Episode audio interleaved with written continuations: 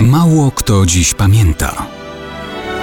Datownik historyczny prezentuje Maciej Korkuć.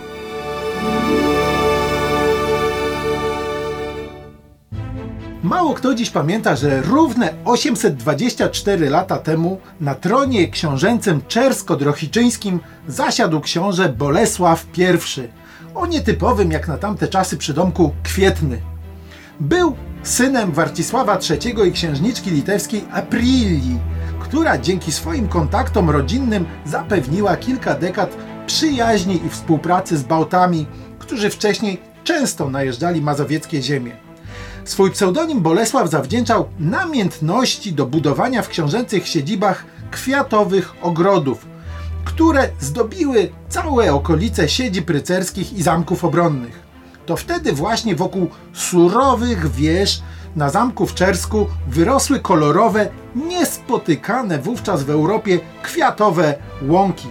Dziwaczna ta maniera spotykała się z drwinami, które przy uważnej lekturze można znaleźć nawet w kronikach książąt mazowieckich spisywanych przez cystersów z Grójca.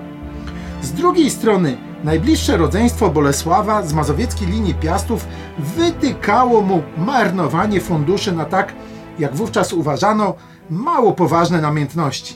Warto jednak pamiętać, że Bolesław był prekursorem tworzenia ogrodów, które później zyskały miano francuskich, a w okolicach Czerska istniały już na wiele wieków przed modą, jaka zapanowała nad Sekwaną. Ogrody te powinny więc nosić miano mazowieckich albo czerskich, a nie francuskich.